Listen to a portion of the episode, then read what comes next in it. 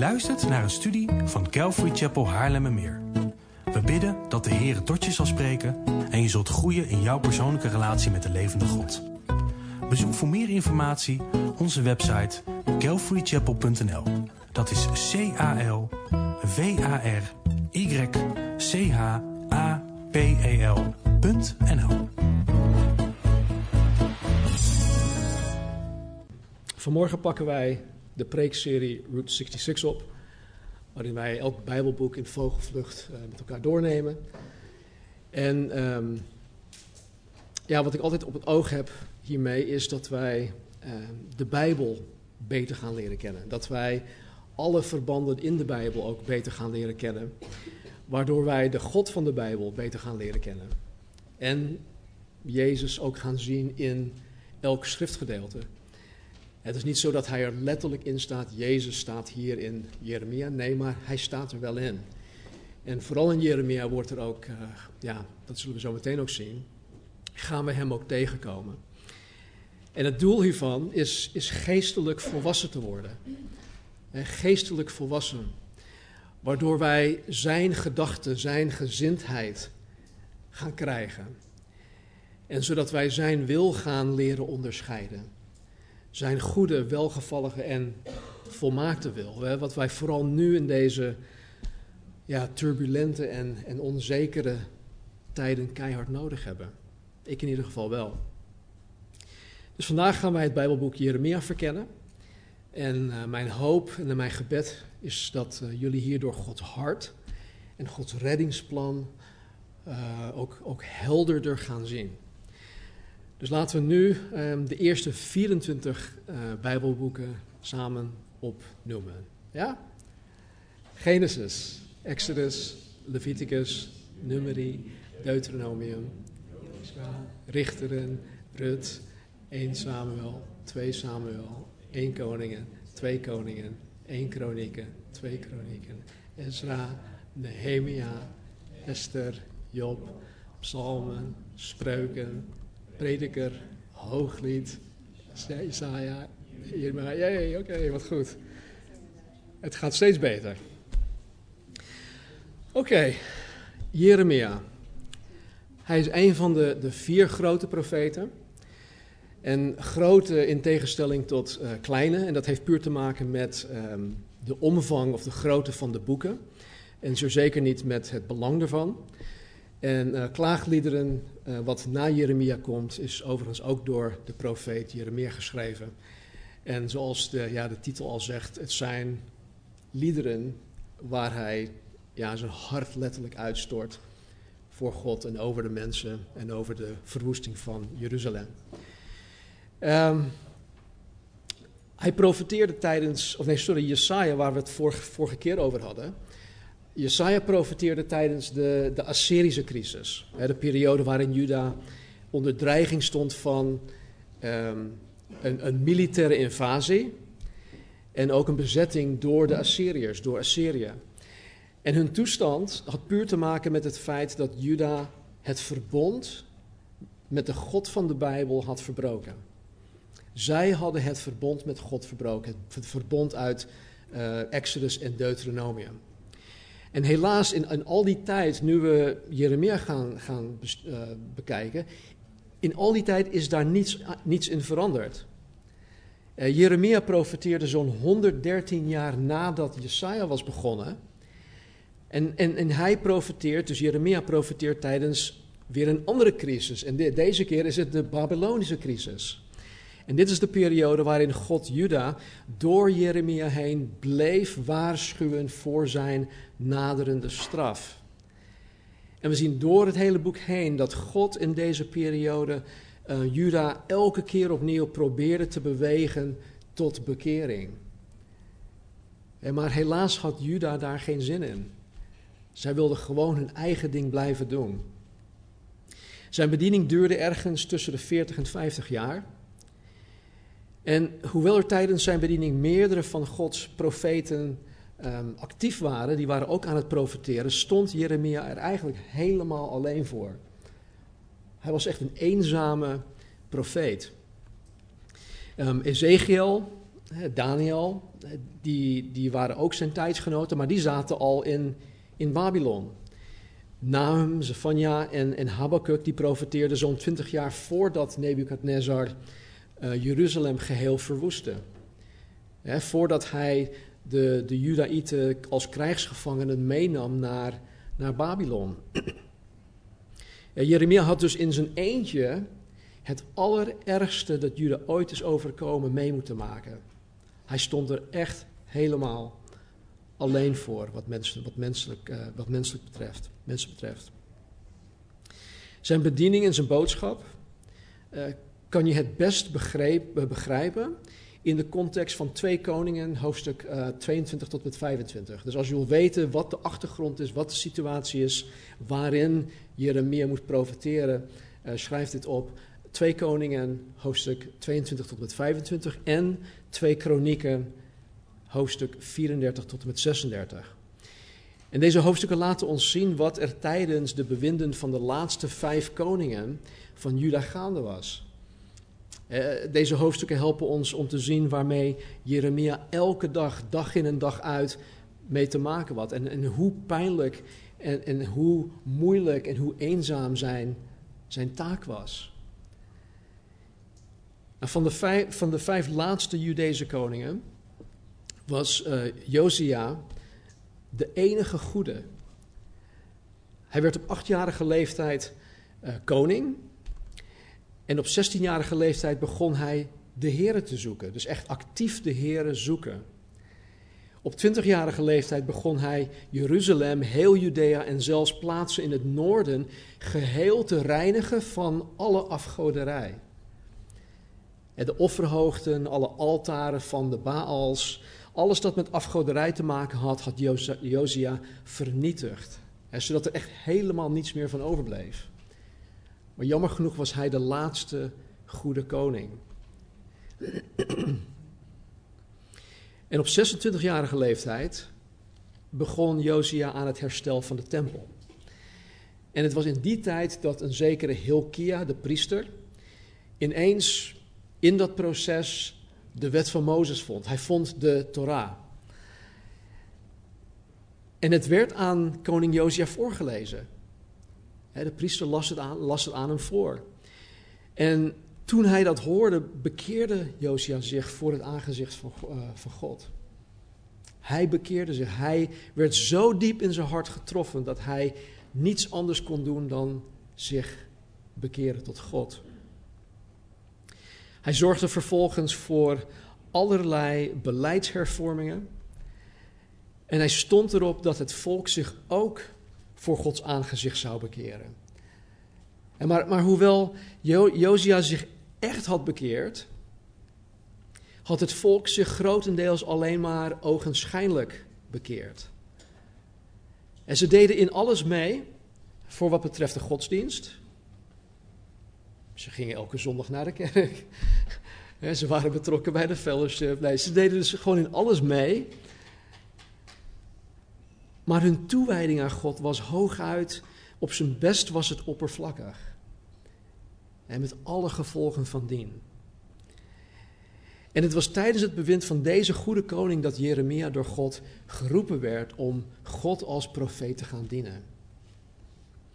En ja, na de dood van Josia regeerden dan de laatste vier koningen, die al het goede dat Josia had gedaan, geheel overhoop gooiden. Ze hadden alles teniet gedaan. Deze vier koningen verwierpen God en ze, ze verwierpen al zijn waarschuwingen. En zij allieerden zich met Egypte. En onder de laatste koning, een zekere Zedekia, werd Juda geheel omvergeworpen en verwoest door koning Nebukadnezar van Babel of Babylon. Een zekere uh, William Moorhead, een uh, predikant uit de 19e eeuw, schreef dit over zijn toestand, over Jeremia's toestand.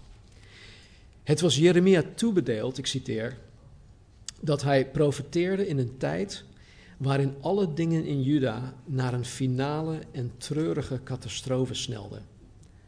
De politieke opwinding was op een hoogtepunt. De meest verschrikkelijke verlangens regeerden de verschillende partijen. En het meest fatale advies overheerste. Je zou het over vandaag de dag kunnen zeggen, schrijven. Om zijn eigen volk, dat hij lief had met de tederheid van een vrouw, een duik in de afgrond te zien nemen naar een lustvolle ondergang. Einde citaat. Jeremia was de profeet van Juda's donkerste uur. Nooit had iemand tevoren dit meegemaakt. Volgens hoofdstuk 36 had Jeremia's schrijver Baruch het boek opgeschreven. Dus Jeremia had het niet zelf met eigen hand geschreven. Hij had iemand die dat voor hem deed. En deze man die heet Baruch. En deze werd voorgelezen, dus wat hij had opgeschreven, werd voorgelezen aan dan de, de tweede koning, de tweede van de vijf laatste. De Joachim, dat is dan de zoon van koning Josia. Dus even een hele een zijsprong. Wij die kinderen hebben, wij hebben geen garantie dat onze kinderen de Heer gaan dienen zoals wij dat graag willen. Josia was een hele goede koning. Niet alleen de laatste goede, maar hij was gewoon op zich een hele goede, goderende, godvrezende koning. En wat gebeurt er met zijn zoon Joachim? Hij is een hele nare slechterik geworden. Dus wij moeten onze kinderen opvoeden in de vrezen des Heren, maar er zijn geen garanties. Dus even dat terzijde. Uh, of uh, als zijsprong. Um, dus het, het, werd, het werd opgeschreven en het werd voorgelezen aan deze koning Joachim, dat is de zoon van Josia. En toen het voorgelezen werd, verbrandde deze koning de boekrol. Het is net alsof je gewoon de Bijbel nu gewoon in de open haard gooit. Dat deed hij. Hij verbrandde de boekrol omdat hij het niet eens was met de woorden van God door Jeremia. Hij was het er niet mee eens. Hij had zich omringd met zogenaamde profeten die hem alleen maar leuke dingen vertelden. En dat wilde hij horen. Hij wilde horen over voorspoed, hij wilde horen over gezondheid en, en, en allerlei leuke dingen. zijn oren wilde hij laten strelen. En, en dan komt Jeremia met de ware boodschap van God om hem te waarschuwen Luister vriend, je moet je bekeren, want. En dat wilde hij absoluut niet horen. Dat wilde hij niet horen. Wat doet hij? Hij gooit die hele boekrol van Jeremia zo in de fik. Hij was het er niet mee eens. En vervolgens zei God tegen Jeremia om de profetie opnieuw door Baruch op te laten schrijven. Ik dacht, ik, ik zie het al helemaal voor me. Oh nee, helemaal opnieuw. En ik vind het best wel bijzonder, gezien dat Jeremia het, het grootste boek van de Bijbel is. En wat ik daarmee bedoel is, Jesaja heeft 66 hoofdstukken, Jeremia maar 52, maar 52. Maar qua woorden, qua, omvang, aantal woorden, is Jeremia het grootste boek. En stel je voor dat je dan alles van begin tot eind opnieuw met de hand moet gaan opschrijven. En kijk, ik ben, ik ben ja, deze beroep echt dankbaar voor zijn toewijding. Want daardoor hebben wij nu in de huidige vorm het Bijbelboek Jeremia, de kostbare woorden van deze toegewijde profeet. Nou, vanwege de omvang van het boek en vanwege de korte tijd die wij hebben, ga ik vandaag niet door alle hoofdstukken heen lopen. Uh, wat ik wel wil gaan doen is naar een aantal sleutelversen kijken en naar een aantal essentiële zaken die voor ons anno 2021 gewoon relevant zijn. En uh, tot mijn spijt moet ik heel veel overslaan. En dat is gevoelsmatig echt niet leuk. Uh, ik heb echt, het idee dat ik jullie elke keer faal wanneer ik uh, zo snel er doorheen ga. Maar uh, dat is even mijn, mijn strijd. Um, Jeremia werd geroepen en dat zien we al meteen al in, in hoofdstuk 1. En dan zien we in hoofdstuk 1 vers 4 en 5 dit. Het woord van de Heere kwam tot mij, zegt Jeremia. Voordat ik u in de moederschoot vormde, heb ik u gekend. Voordat u uit de baarmoeder naar buiten kwam, heb ik u geheiligd. Ik heb u aangesteld tot een profeet voor de volken. Tot zover. God sprak hier rechtstreeks tot Jeremia. En God vertelde hem dat, dat God hem al kende voordat God hem in de moederschoot vormde. En dit betekent dus niet dat, dat Jeremia al als geest ergens al bestond hè, voordat hij geboren werd. Nee, het betekent simpelweg dat God, die alwetend is, Jeremia al kende en hem als zijn profeet geroepen en afgezonderd had voor het punt van conceptie. Voor het punt van bevruchting, ja, wat het eigenlijk hetzelfde is. En God kende Jeremia en ons al voordat wij er zo uitzagen. En, en dit zijn beelden van een, een, een, een pas bevrucht eicel vanaf dag 1 tot en met dag 6. Er zijn allerlei technische termen voor. Maar wat ik hiermee wil aangeven is dat voor dit moment, dus voor dag 1, kende God ons al. Hij kende mij al. Hij kende mij al bij naam. Jesaja sprak hier ook over. Dat God hem in de moederschoot had gevormd. Paulus die sprak hier ook over. Paulus zegt dat God zijn wedergeboren kinderen zelfs al voor de grondlegging van de wereld heeft gekozen. Niet alleen gekend, maar gekozen. Sta daar alsjeblieft bij stil. Als je wedergeboren bent, heeft God jou voor de grondlegging van de wereld gekozen. Gekozen om Hem te kennen, om Hem na te volgen, om Hem te dienen. En het diepzinnig feit dat de God van de Bijbel ieder mens al kent voor, tijdens en na de bevruchting, moet de mens ervan overtuigen dat het menselijk leven bij conceptie begint. Ik weet, dit druist dwars tegen de pro-choice movement in, dwars tegen uh, de evolutie, evolutietheorie. Maar dit is wat de schepper van hemel, aarde en mens hierover te zeggen heeft.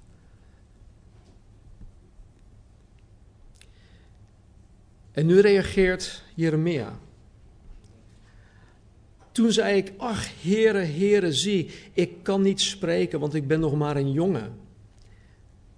Maar de Heere zei tegen mij, zeg niet, ik ben nog maar een jongen, want overal waarheen ik u zenden zal, zult u gaan. En alles wat ik u gebieden zal, zult u spreken. Wees niet bevreesd voor hen, want ik ben met u om u te redden, spreekt de Heere tot zover. Even later in een ander stuk zegt hij: Wees niet bang voor hun gezichten. Weet je, en dat is, ja, dat is. Sommigen van jullie uh, hebben wel eens gezegd: Ja, nee, ik durf niet voor, de, voor, de, voor hier, hierachter te staan. Ik weet niet of jullie het weten, maar ik ben elke zondag nog bang om hier te staan. En ik moet er elke keer aan, aan herinnerd worden: wees niet bang voor hun gezichten. Kijk, ik heb, ik heb hier, en ik ken ze inmiddels al, ik heb, ik heb een aantal gezichten die gewoon altijd smilend en ja en knikkend uh, naar me kijken. Heerlijk is dat. Maar ik heb ook wel eens mensen gehad die gewoon, die gewoon zo zitten, weet je. Nee. nee, nee, echt een, een grapje. Nee, maar weet je, het is, het, is, ja, het is gewoon eng om hier te staan. En ik kan me voorstellen wat, wat Jeremia dacht van, hallo, ik ben een, ik ben een jongen, ik, ben een tiener. Hij was de zoon van de priester Hilkia, uit de lijn van Aaron. En hij zou eigenlijk op 30-jarige leeftijd uh, Israël moeten gaan dienen als priester. Dat was het plan voor Jeremia's leven. En maar God had andere plannen voor hem. En God riep hem toen hij ergens tussen de 17 en 20 jaar oud was. Dat is jong. Dat is ook de leeftijd waarop de discipelen door Jezus geroepen werd. Jezus riep geen volwassen kerels met een PhD, een doctorale graad. Nee, hij riep jongens om hem na te volgen. En zo riep God Jeremia ergens tussen de 17 en 20 jaar oud om zijn profeet te zijn. En hier zien we meteen al dat Jeremia onzeker is van zichzelf. Wat in deze wereld absoluut niet geprezen wordt. Maar wat in Gods ogen juist een eigenschap is dat God kan gebruiken. God kan onzekere, onbekwame mensen gebruiken. Ik heb wel eens mensen, jonge mensen, jonge mannen tegen, ben ik wel tegengekomen die dan aan mij vragen of, of zeggen van joh, uh, ik heb hele goede presentatieskills en uh, ik ben ervoor opgeleid en ik kan zondag ook wel uh, gewoon voorgaan. Dan heb ik zoiets van, dan snap je er echt helemaal niks van. Het zijn juist degenen die zeggen van nee, dit kan ik helemaal niet. hey, als, als ik dat hoor, dan, dan, gaan mijn ogen, dan worden mijn ogen heel groot en dan spits ik mijn oren naar die persoon en dan kan ik in, met die persoon in gesprek gaan. Het gaat niet om wat je allemaal zelf kan, of hoe goed opgeleid je bent, of hoeveel ervaring je hebt, of hoe, hoe je cv eruit ziet. Nee, de houding van Jeremia is goed. Ik kan dit niet. Hij was jong, hij was bang voor al die volwassen mensen die veel meer kennis en levenservaring hadden. En om, om hem dan gerust te stellen, bemoedigde God hem door hem te verzekeren van het feit dat God met hem zou zijn overal waar hij naartoe zou moeten gaan. Overal waar God hem zou willen hebben, God zou met hem zijn. God verzekerde hem ook dat, dat hij hem in elke situatie zou beschermen en hem uit elke situatie zou redden.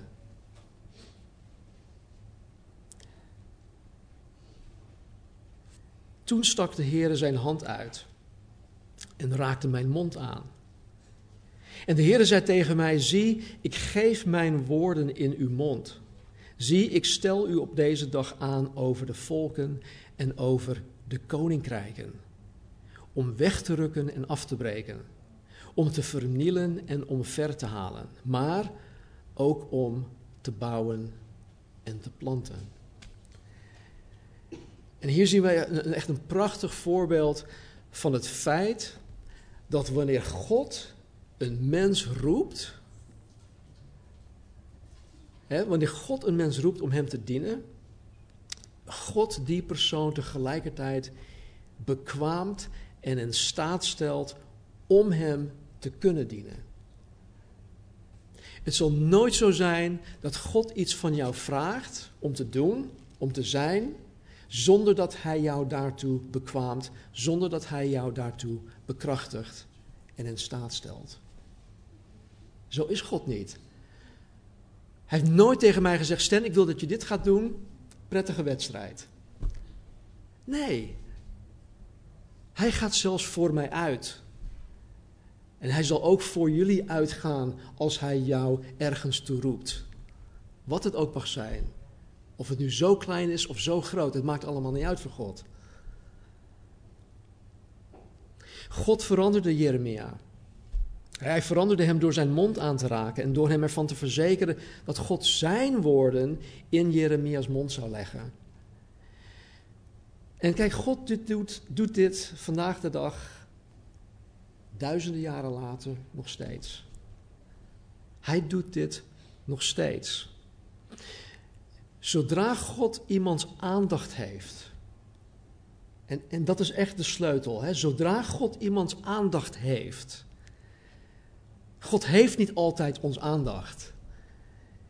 En soms moet God hele zware maatregelen treffen om ons aandacht te krijgen.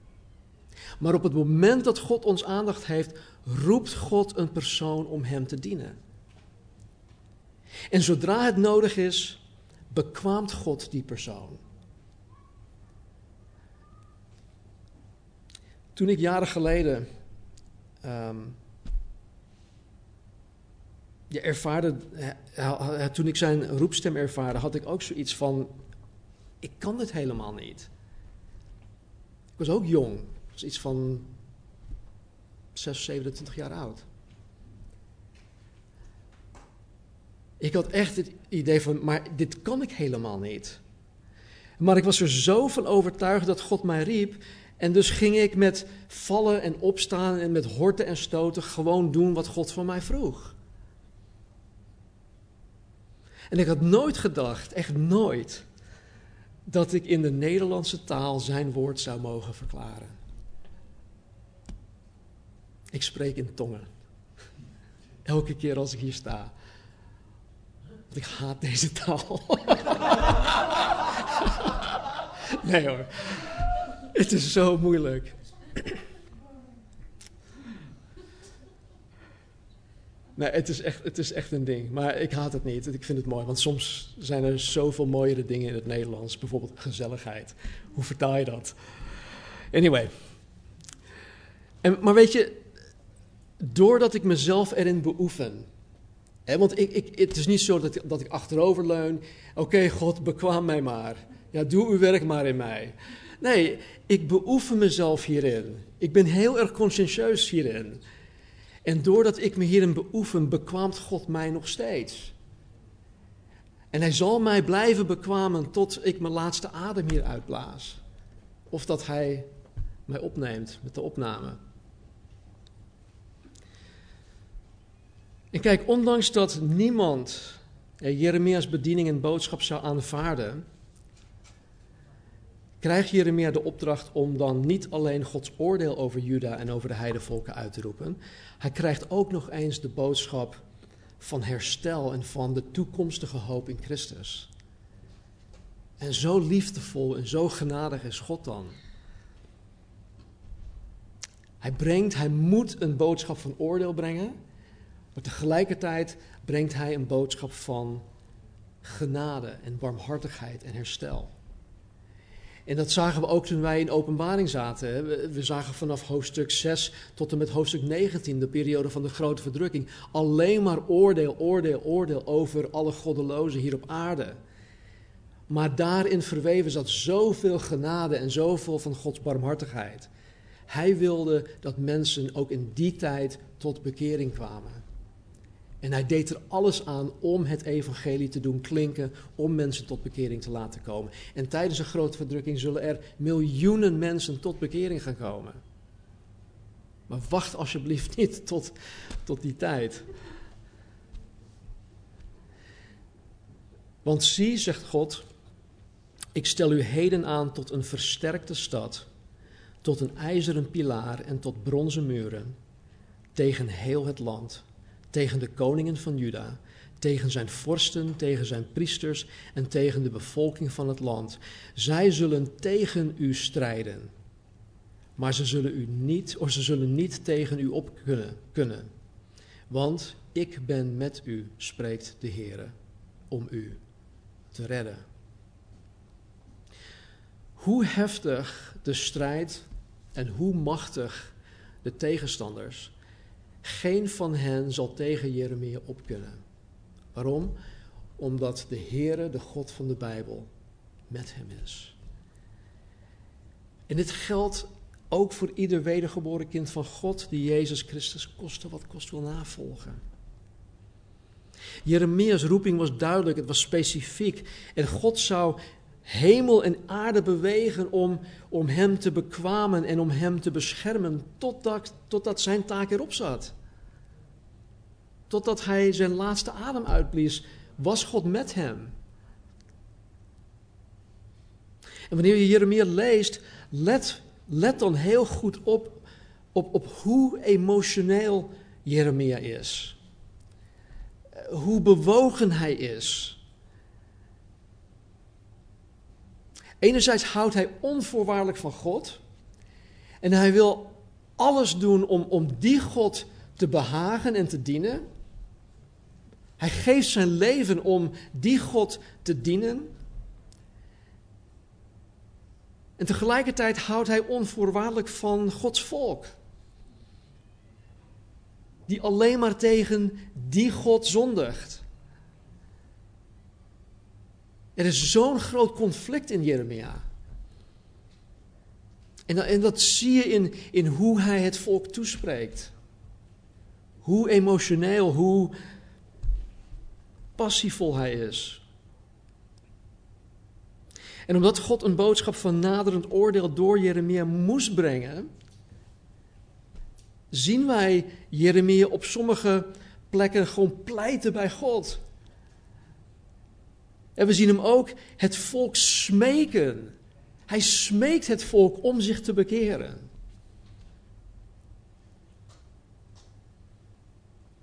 Hij was zelf zo hard bezig dat God hem tot drie keer aan toe zei om niet meer voor dit volk te bidden. Bid niet meer voor hen, zei God. Het heeft geen zin meer. De mensen hadden zich dusdanig tegen God verhard. Er was geen weg terug meer voor die mensen.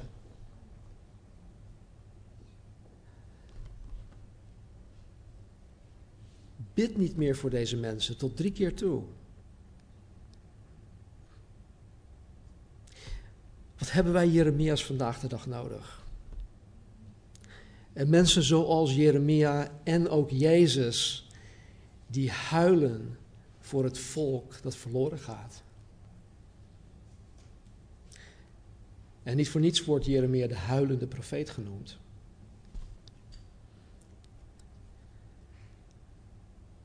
Nou, we maken nu een hele grote sprong, hoofdstuk 1 tot en met 29. In deze hoofdstukken spreekt Jeremia in, in hele grote lijnen voornamelijk over het feit dat Israël en Juda het verbond met God hebben verbroken. Hè, wat we in Jesaja ook hadden gelezen. Dat zij de God van de Bijbel hebben verlaten, dat zij geestelijk overspel en hoererij met uh, afgoden hebben gepleegd. Dit is Gods aanklacht. En het is 100% zuiver, 100% waar. Tegelijkertijd spreekt Jeremia de koningen, de priesters en de zogenaamde profeten en het volk toe over het naderend oordeel. Als zij zich niet bekeren. God geeft hem nog steeds de kans om zich te bekeren. Jeremia waarschuwt hen. En hij geeft een groot detail aan wat God met hen zal doen als zij zich dus niet gaan bekeren. Wat we ook tegenkomen in deze hoofdstukken.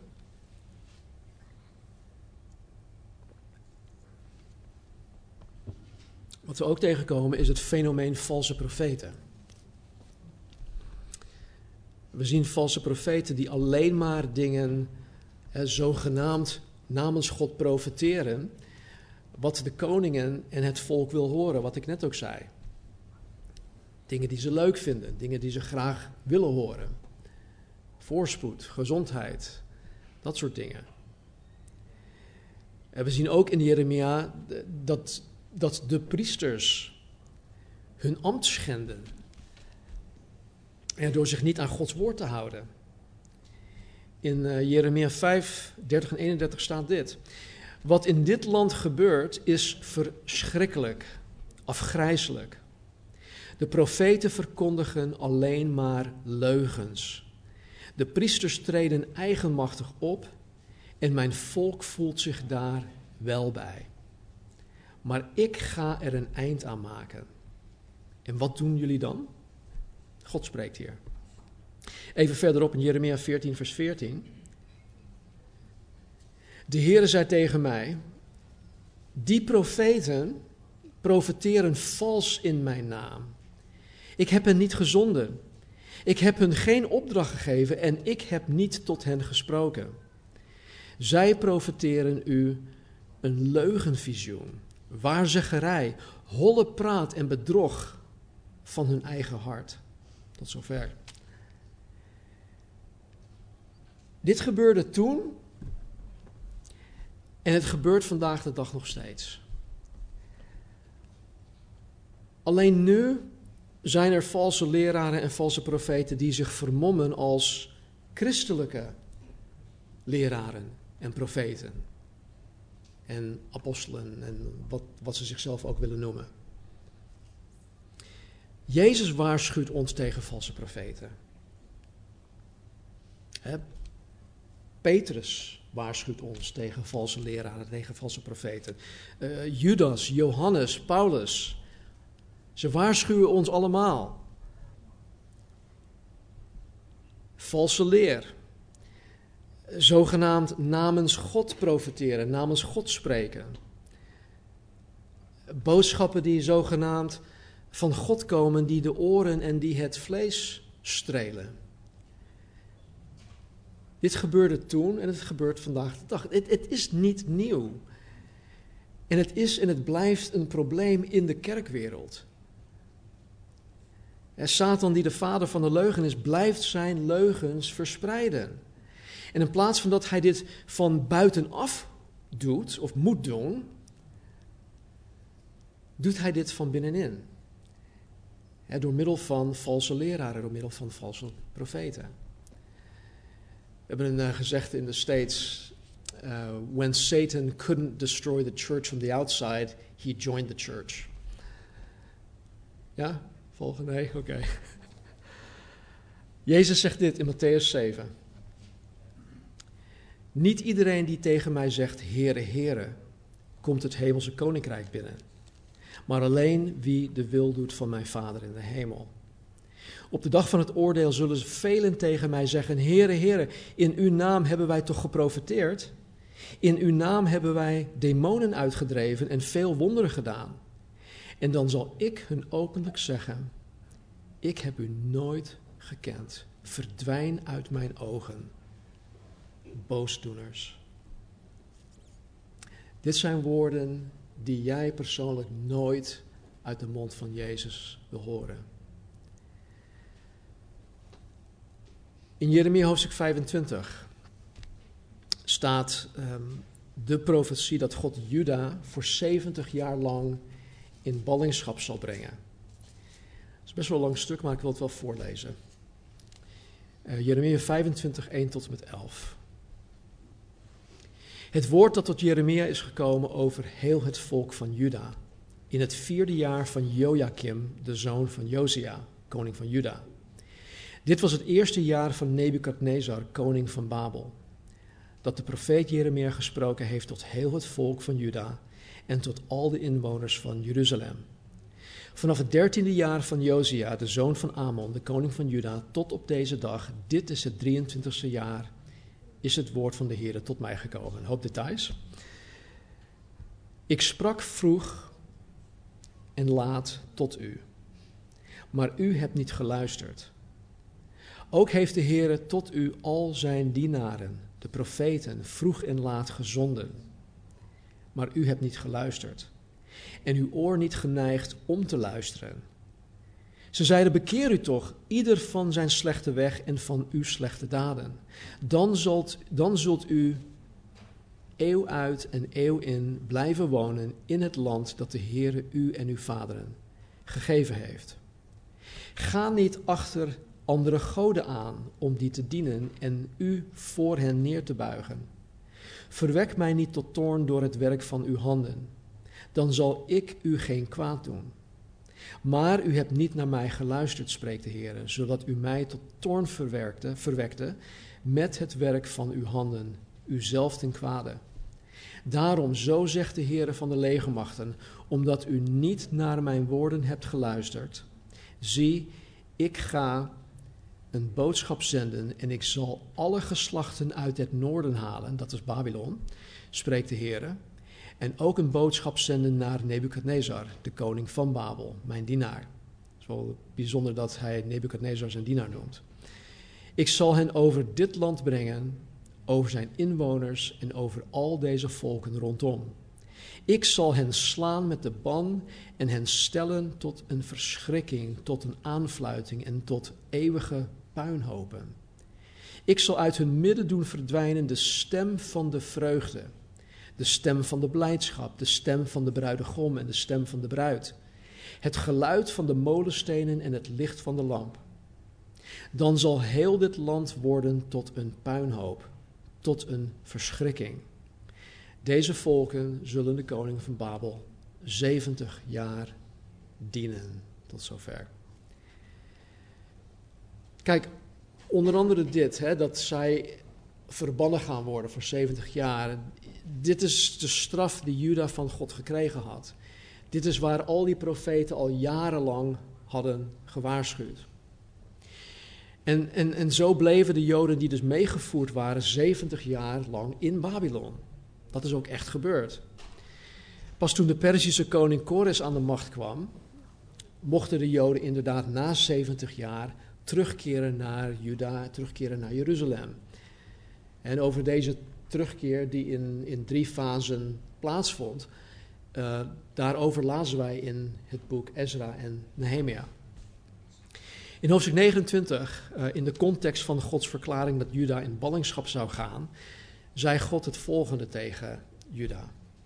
En ik denk dat jullie, die dit al eerder hebben gelezen, of die misschien ooit in een uh, christelijke boekenwinkel is geweest, iets hieruit zal gaan herkennen.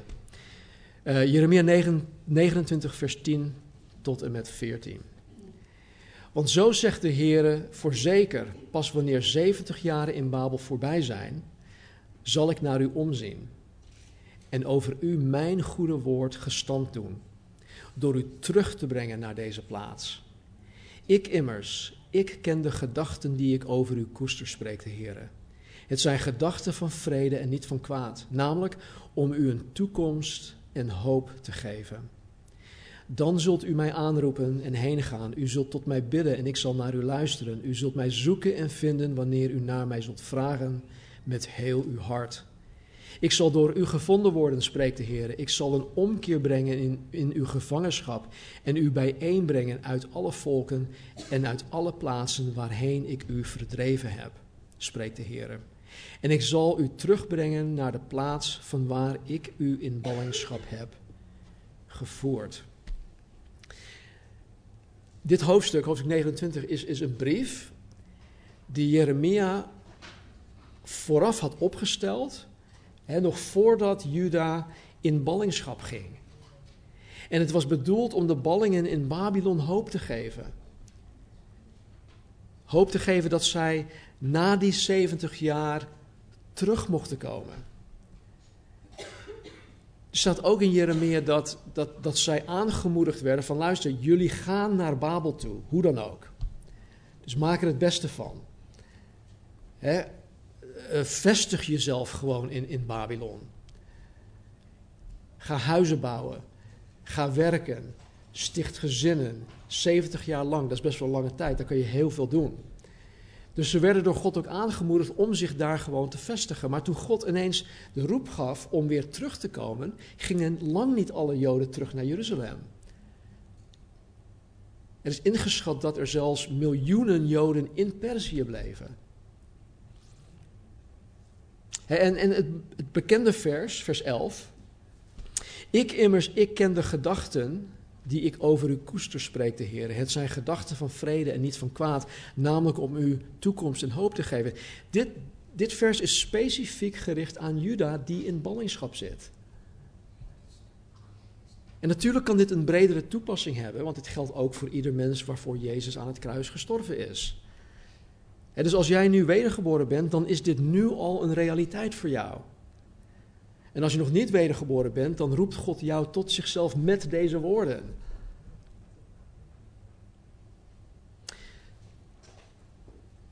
Hoofdstuk 30 tot met 33.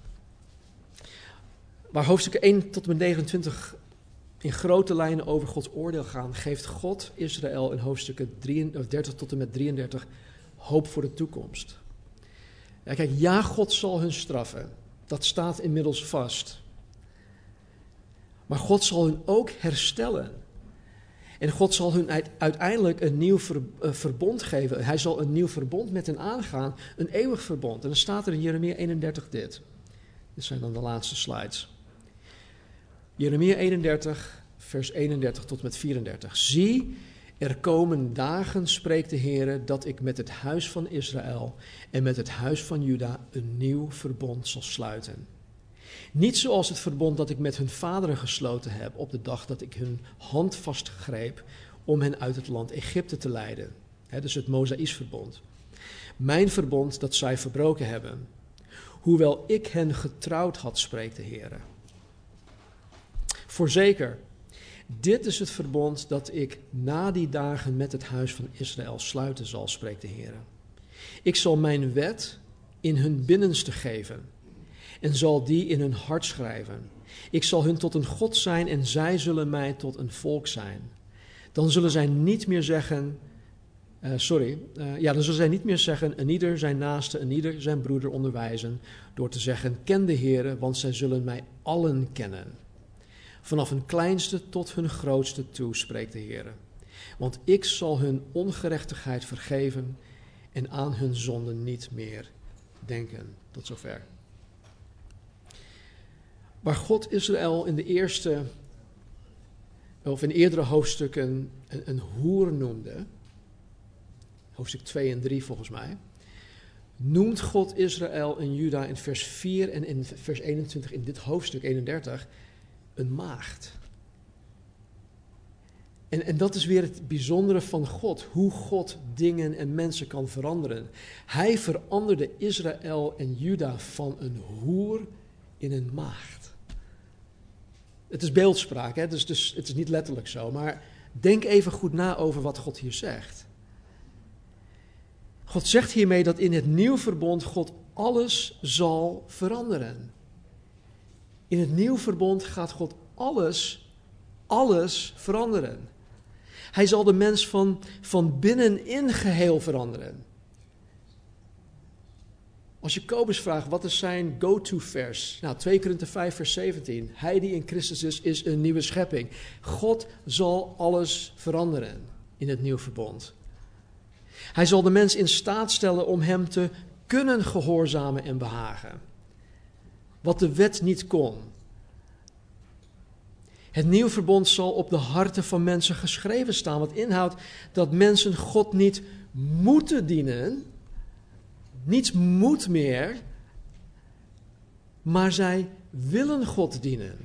Zij willen God gehoorzamen, zij willen God navolgen. Dat is een gigantisch groot verschil.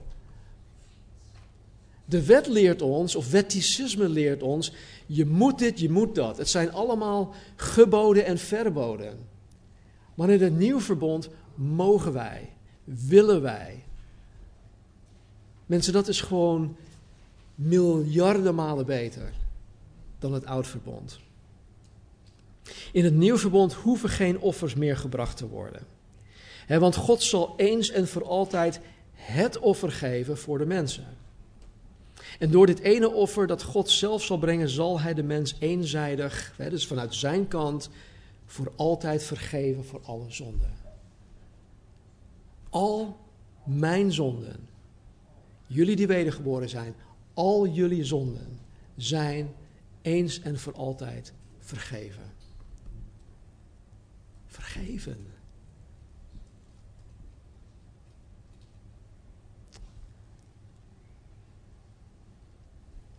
Dit gold voor Juda, of dit geldt voor Juda, het geldt ook voor ons. En wij hoeven alleen maar het verbond met God aan te gaan. Wij hoeven alleen maar, als het ware, te tekenen. En hoe tekenen wij? We tekenen met ons leven.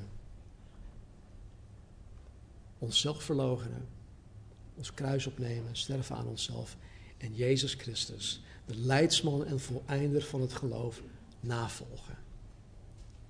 Zo tekenen wij. Hoofdstukken 34 eh, tot met 45 gaan voornamelijk over de laatste dagen van Juda en Jeruzalem. Heel erg duister. De hoofdstukken 46 tot met 51 gaan over Gods oordeel over alle om, omliggende naties. Ook heel duister. En hoofdstuk 52 is een soort nawoord, een postscript, dat hoogstwaarschijnlijk niet door Jeremia zelf geschreven is, maar door zijn schrijver uh, Baruch. Laten we bidden. Hemelse Vader, dank u wel voor uw woord. Dank u wel voor Jeremia. Wat een prachtig voorbeeld van een mens dat hij was. En Heer, geef in ieder van ons ook dezelfde hartgesteldheid van Jeremia. Heer, dezelfde motivatie, dezelfde vastberadenheid. Help ons om zoals Jeremia, Heer, te volharden in de strijd. Heer, als ik, als ik denk aan de bediening van Jeremia, hij heeft op een jonge leeftijd al de roep gekregen om u te dienen. En voor zo'n 40 of 50 jaar lang heeft hij vanuit het menselijk oogpunt gewoon totaal geen succes behaald.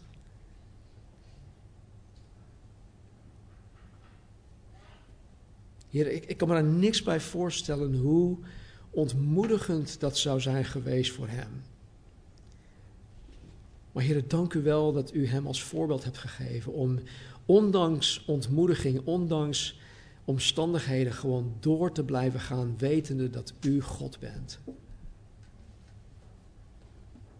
Help ons om meer zoals deze Jeremia te zijn. In welke mate dan ook. Tot welk doel dan ook. Help ons erbij.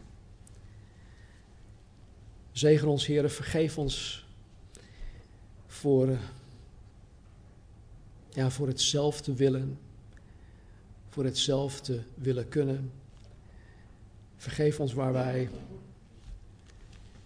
ja, van onszelf gewoon denken: hé, ik doe dit wel even. Geef ons dezelfde ware kijk op onszelf, Heer. Dat wij, wanneer u iets van ons vraagt, dat wij gewoon zeggen, heel eerlijk zeggen: Heer, dit kan ik helemaal niet. Wetende dat u ons daarin zal bekwamen en bekrachten. Dat u ons in staat zal stellen om te doen wat u van ons vraagt. Geef ons dan ook die zekerheid, Heer. Want die zekerheid hebben we zo hard nodig. Vooral wanneer we zo onzeker zijn vanuit onszelf. Dank u wel, Heer, voor de geweldige profetie uit Jesaja, of Jeremia 31. Dat u een nieuw verbond met de mens aangaat. En dank u, Jezus, dat u zo ver gegaan bent om dat nieuw verbond te geven. En zo, hier bid ik dat u, ja, dat u ons dat u ons daar, daarvan ja, zal overtuigen, Heer. Hoe mooi en hoe groot en hoe geweldig het nieuw verbond eigenlijk is. Heer, dat we vanaf dit moment het nooit meer voor lief nemen.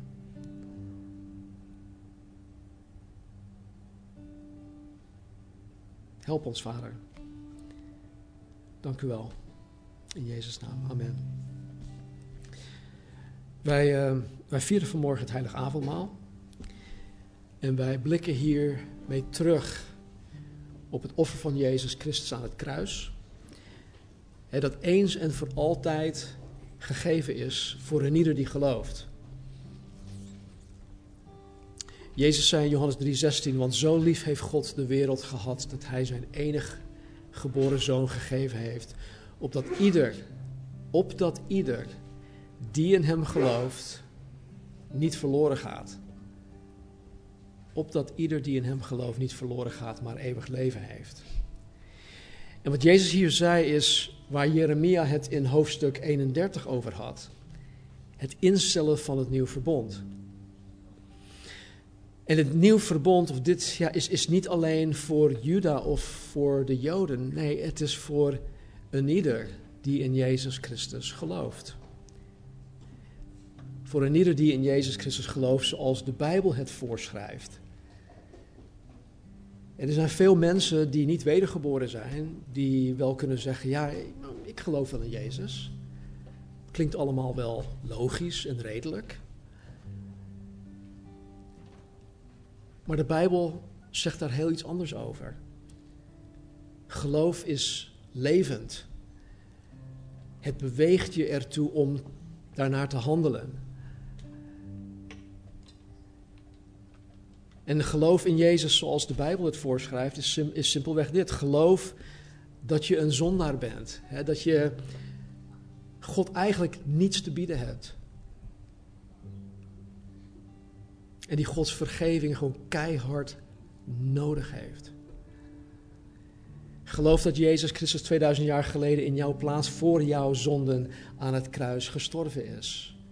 Geloof dat met je hart. Niet alleen hier. Geloof dat Jezus Christus ook uit de dood is opgestaan. Dat hij naar de hemel terug is gegaan. En dat hij nu aan de rechterhand van de Vader gezeten is. Die 24-7 voor ons pleit. En geloof dat zonder deze dingen het gewoon niet mogelijk is om toegang tot God de Vader te krijgen. Gods troon der genade. En om een relatie met Hem aan te kunnen knopen, te, te kunnen hebben, te kunnen onderhouden. Jezus zei dat Hij de weg, de waarheid en het leven is. En dat niemand tot God de Vader kan komen dan alleen door Hem. Dus alleen door geloof in Hem. En de Bijbel roept je ook op om je te bekeren. De eerste woorden van Johannes de Doper toen hij zijn bediening begon was: bekeer je. De eerste woorden toen Jezus Christus zijn bediening hier op aarde begon was: bekeer je, want het koninkrijk van de God is nabij. Dus de Bijbel roept je ook op om, om je te bekeren. En dat wil simpelweg wil dat zeggen dat je één, je gaat anders denken over God. Waar je alle misvattingen over God hebt gehad. Dat gooi je nu overboord. En je gaat nu denken over God volgens de Bijbel. Bekeren betekent ook dat je je gaat afkeren van je zonde.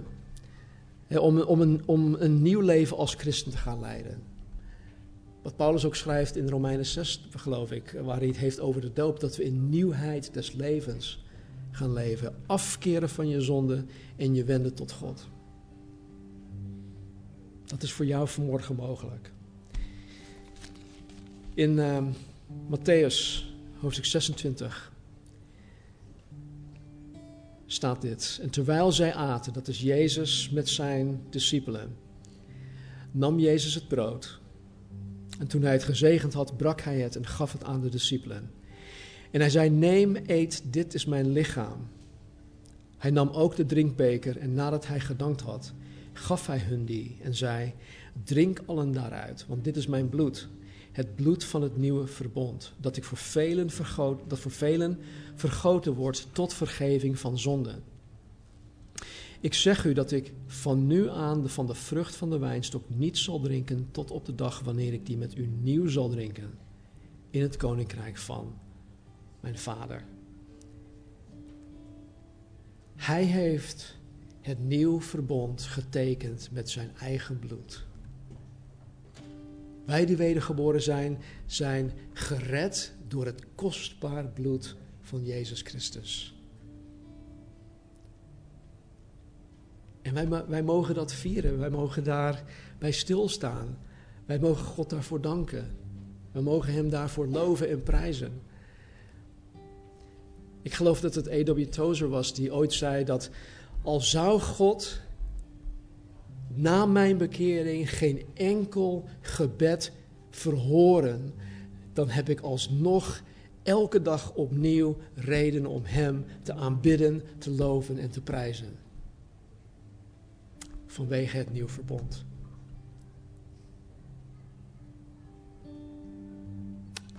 Ik schiet daar elke dag in tekort. Maar dat is wel, het, het is wel zo. Het is gewoon zo. Um, het aanbiddingsteam gaat zo meteen een aantal liederen zingen.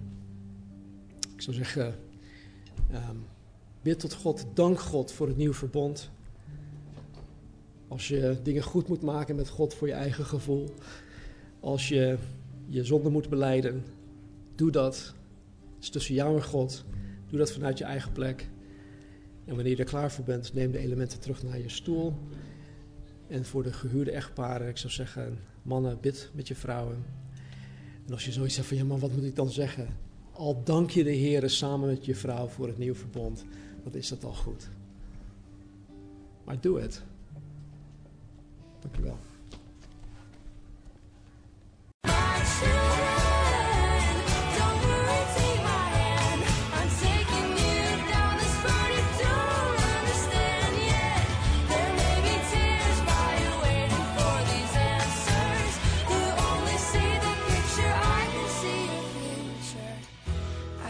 tell you right now, it's gonna be alright.